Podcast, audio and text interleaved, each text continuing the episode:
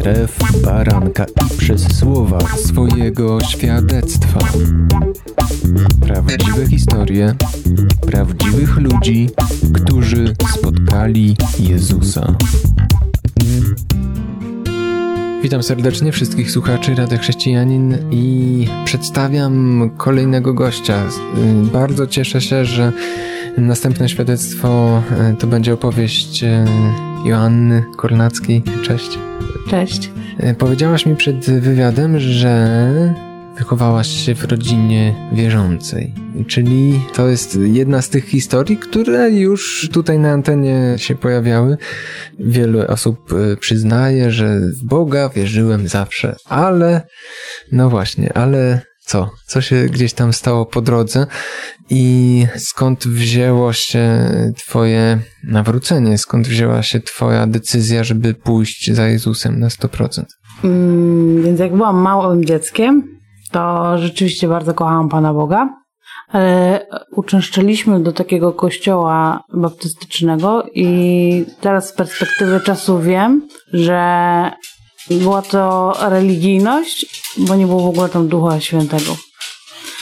I myślę, że to też w jakimś stopniu mogło zaprocentować w to, że też poszłam w świat, ale przede wszystkim e, głównie u mnie zaprocentowało to, że odwróciłam się od Boga, że miałam e, bardzo duże odrzucenie, no i na pewno też bunt. Odrzucenie? Jak to rozumiesz? Jak to odczuwałaś i skąd to się wzięło? No na pewno, jeżeli chodzi o do szkoły świeckiej, miałam tam odrzucenie w klasie no, z powodu tego, że się źle uczyłam, znaczy trochę gorzej, że, że wolniej czytałam, czy, czy wolniej pisałam. Byłam też taką osobą, co miała trochę tą nadwagę, więc zawsze dzieci się wyśmiewają z takich niestety y, dzieci. Z drugiej strony w kościele miałam na przykład stuprocentową akceptację i w domu od moich rodziców, ale wydaje mi się, że chciałam chyba takiej światowej akceptacji, niestety. Czy to spowodowało głębsze problemy? Co zdecydowało o tym, że w jakiś sposób od Boga się oddaliłaś? Wydaje mi się, że też chciałam y, podobać się światu. I pociągał mnie świat przede wszystkim. Mhm. Jak byłam nastolatką, w ogóle moje marzenia były tak absurdalne, jak sobie teraz pomyślę. Chciałam mieć swoje męża gangstera, dom. Kreowałam się na taki wizerunek tak zwanej blachary. Czarne włosy powyszane, chciałam być złotem. Ale priorytety i w ogóle wszystko się zmieniło. Też jak słyszymy w tle yy, córeczkę to tytułem wyjaśnienia dla słuchaczy, którzy słyszą, ale może nie wiedzieli do końca o co chodzi. No i jak do tego doszło, że wróciłaś e, do Boga? Czy nazwałabyś to w ogóle powrotem, czy odkryciem? Jak byłam w świecie, też doznawałam dużo zranień. Na pewno ze strony mężczyzn. Byłam dwukrotnie wykorzystana seksualnie. Blokowałam się ciągle w jakieś toksyczne relacje ale nigdy nie obwiniałam za to Boga. I zawsze jak miałam jakieś trudniejsze sytuacje, jakieś takie smutki albo nie radziłam sobie psychicznie, to też zażywałam narkotyki, piłam alkohol, ale nigdy nie obwiniałam Boga. No wiedziałam, że to nie jest jakby też jego wina, tylko to jest spowodowane, spowodowane tym, że to, że ja tak robię, ja tak chcę. I wiedziałam, że jeżeli będę chciała skończyć z tym wszystkim, to tylko będę mogła znaleźć ten ratunek w Bogu. Czyli miałaś taką świadomość, a mimo to przez dłuższy czas uciekałaś od tego miejsca. Nie byłaś może dostatecznie przyparta do ściany, można tak powiedzieć? Myślę, że można, ale też przez dużo lat moja mama y, chciała mnie na siłę y, przyprowadzić do Boga, więc codziennie mi czytowała fragmenty z Pisma Świętego, non stop się o mnie modliła ale modlitwa sprawiedliwego wiele działa, ponieważ były sytuacje, gdzie chciałam się naćpać i nawet nie mogłam, słuchajcie. Więc y, wtedy sobie mówiłam, o, na pewno moja mama się o mnie modliła. Czyli y, można powiedzieć, że ten czas w tak zwanym świecie i buntowania się, szukania własnych y, dróg trwał trochę i co zdecydowało o tym, że tak długo to trwało? Albo co zdecydowało o tym, że wreszcie przyszłaś do Boga? po ratunek, po co jeszcze? Jak już też w końcu, tak, bo też ogólnie przez te 7 lat byłam i w zakładach psychiatrycznych, na detoksach, miałam chyba z 5 prób samobójczych. I też to, to wyglądało za każdym razem tak, że niby wracam do Boga na chwilę, no ale ciągle mnie ciągnęło do tego świata. Później dowiedziałam się, że też głównie było u mnie zniewolenie demoniczne, więc też miałam później uwolnienie, ale to też w sumie nic nie zmieniło.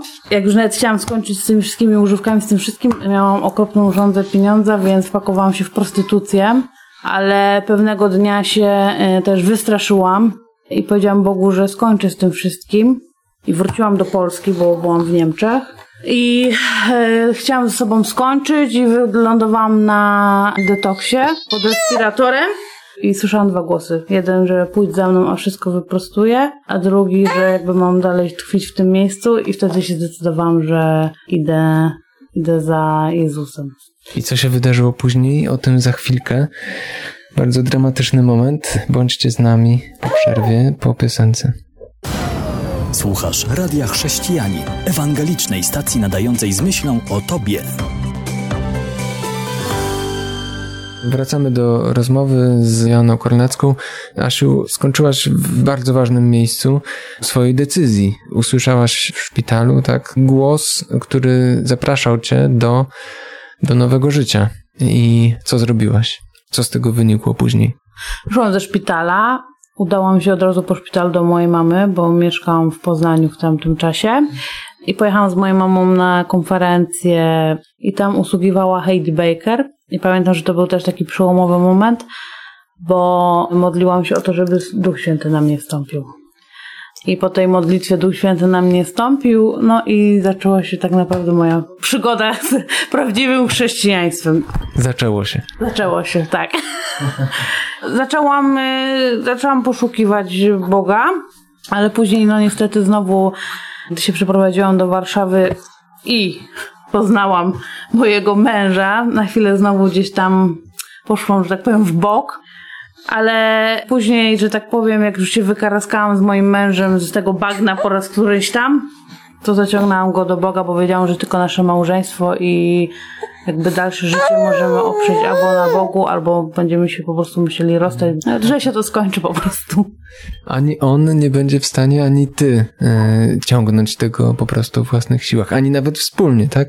A, a to ciekawe, bo myślę, że nie wszyscy ludzie mają tak e, silne przekonanie o tym, że Bóg jest fundamentem ich małżeństwa.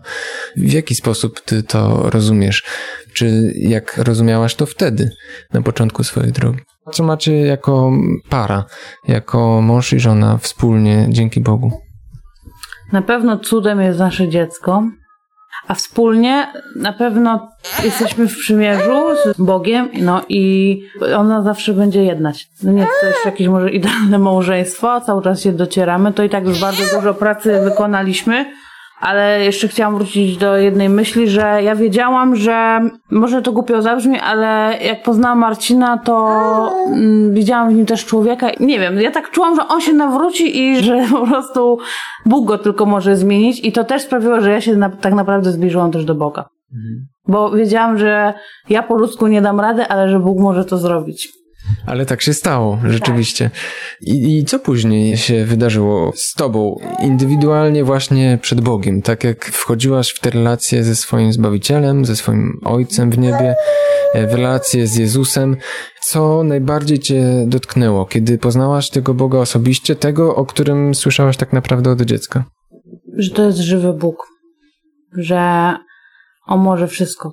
Że, że to jest nasz tatuś i my jesteśmy Jego ukochanymi dziećmi i że On chce dla nas jak najlepiej, On chce nas błogosławić, On chce być w naszym codziennym życiu i to, że ludzie mogą zawsze zawieść, a Bóg nas nigdy nie zawiedzie. Mąż, żona, przyjaciel, mama, tata może nas zawsze zawieść, a Bóg nas nigdy nie zawiedzie. I mimo tego, że czasami człowiek skręca, to Bóg nigdy się od człowieka nie odwróci mimo jego błędów. A czego najbardziej potrzebowałaś w momencie, kiedy nawracałaś się, szukałaś Boga i co dzisiaj jest rzeczą, za którą jesteś najbardziej wdzięczna Bogu? Ja szukałam przede wszystkim takiej społeczności, y, w której będę się czuła dobrze, którą będę mogła nazwać rodziną i w której będę czuła obecność Bożą, też wzrost. I znalazłam taką wspaniałą społeczność, gdzie Bóg mnie posłał. No jest to Now Church i jestem Bogu za to ogromnie bardzo wdzięczna, bo naprawdę y, odkąd znalazłam się w tym kościele, mam niesamowity wzrost i widzę teraz dopiero jak radykalnie się zmienia moje życie. I wiem, że społeczność jest bardzo ważna. Nie ma takiego czegoś jak indywidualne chrześcijaństwo. No właśnie, możesz to powiedzieć z przekonaniem, bo sama próbowałaś tego, tak? Tak. Jak to się różni? Jak byś opisała ten czas z Bogiem, ale bez wspólnoty i bez grupy osób, które cię wspierają? Przede wszystkim uważam, że jeżeli człowiek chce indywidualnie pracować z Bogiem, to uważam, że też na, pe- na pewno, na 100% jest, za tym stoi pycha. Bo społeczność, jest, jest napisane, że jesteśmy sobie potrzebni jako członkowie, yy, jesteśmy jednym ciałem i jesteśmy potrzebni, żeby wszystko współpracowało tak jak powinno, czyli musi być głowa, ręka, noga, tak? Nie mówię, że się nie da. Oczywiście, no, Bóg mówi i wszystko, ale Kościół jest potrzebny po to, aby właśnie każdy miał nad sobą lidera, abyśmy nawzajem mogli siebie korygować w miłości oczywiście, do wzrostu przede wszystkim i do tego, abyśmy mogli się wspierać, bo samemu to jest ciężko. I Bóg tak nie chce, żebyśmy tak funkcjonowali. Po to, po to jesteśmy kościołem, prawda? I tutaj z drugiej strony zawsze jest ta myśl, że karcenie z początku nie wydaje się przyjemne, prawda?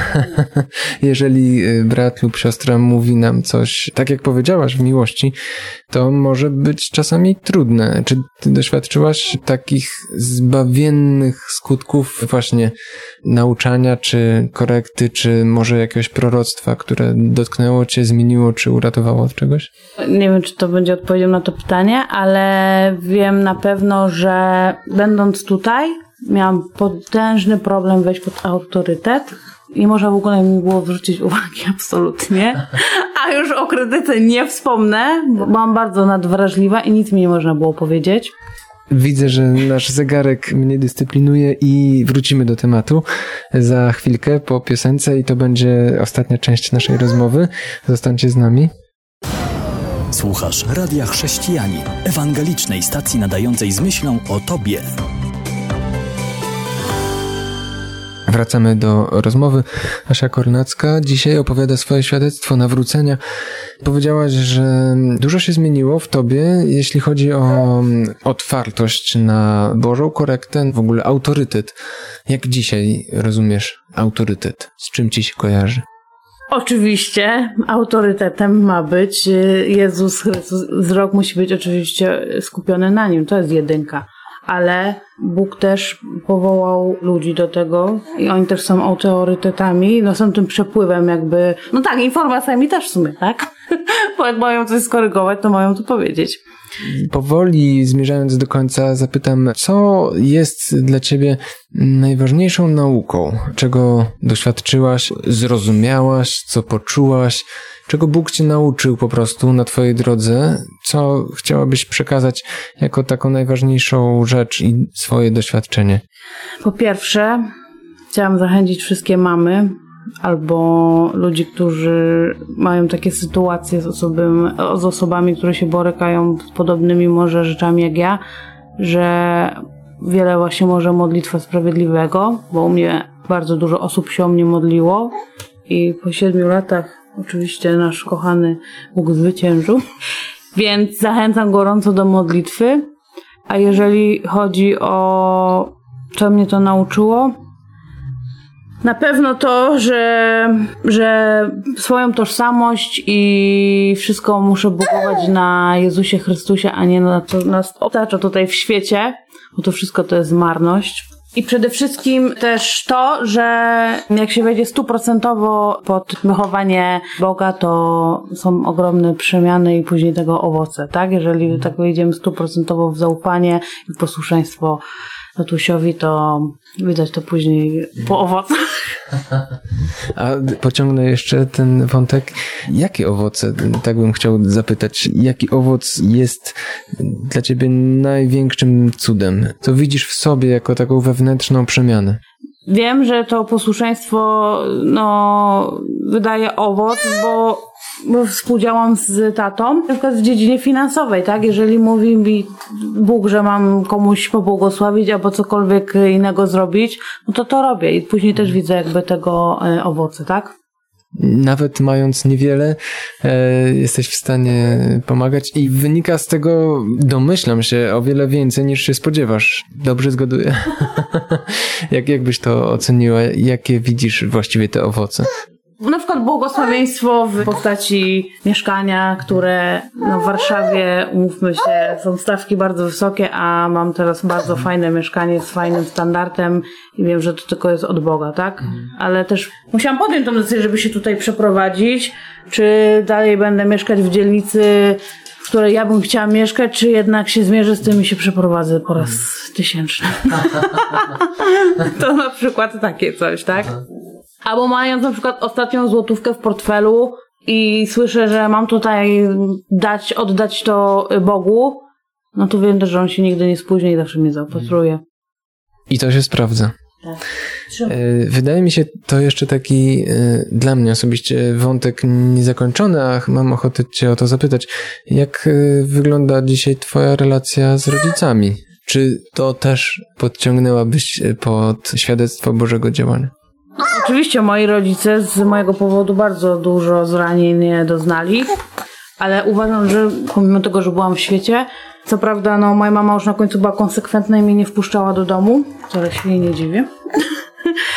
ale zawsze jednak mogłam liczyć w jakiś sposób na tych rodziców. Więc ta relacja no była w jakiś sposób zaburzona, oczywiście, ale no myślę, że w świecie ludzie mają y, gorzej, jeżeli są w takich rodzinach toksycznych czy patologicznych, albo nazwijmy to w cudzysłowie normalnych. No u mnie nie było to tak zaburzone, jak ludzie sobie to wyobrażają. Też twój mąż Marcin e, przyznał, że kiedy spotkał się z twoimi rodzicami, to doświadczył czegoś, e, co było namiastką też Bożej miłości. Po prostu poczuł się przyjęty, potraktowany jak człowiek. I myślę, że to też coś mówi, tak? Tak, zgadzam się. Myślę też, że to zaowocowało tym, bo moja mama była po takich samych przejściach, można powiedzieć, w dzieciństwie jak Marcin ale też moi rodzice mają ogromną miłość do ludzi i mają takie serca pasterskie, tak powiem.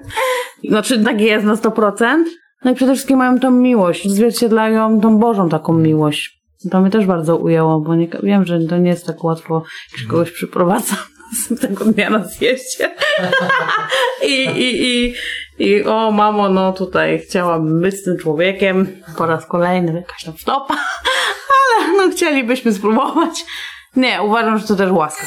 To już jedno zdanie takiego najważniejszego przesłania, które jest wynikiem po prostu Twojej drogi z Bogiem. Żebyś zwróciła się do tych słuchaczy, którzy szukają Boga i chcieliby może dostać jakiś, może kolejny, ale jednak klucz, wskazówkę. Przede wszystkim trzeba szczerze wylać e, serce przed Bogiem i powiedzieć tak, jak jest i nie kamuflować się, nie chować się za jakimiś maskami, bo Bóg wszystko i tak widzi i Bóg patrzy na serce. Amen. Joanna Kornacka była dzisiaj gościem radia i zapraszam za tydzień do następnego świadectwa. Kłaniam się, Jan Żółkowski.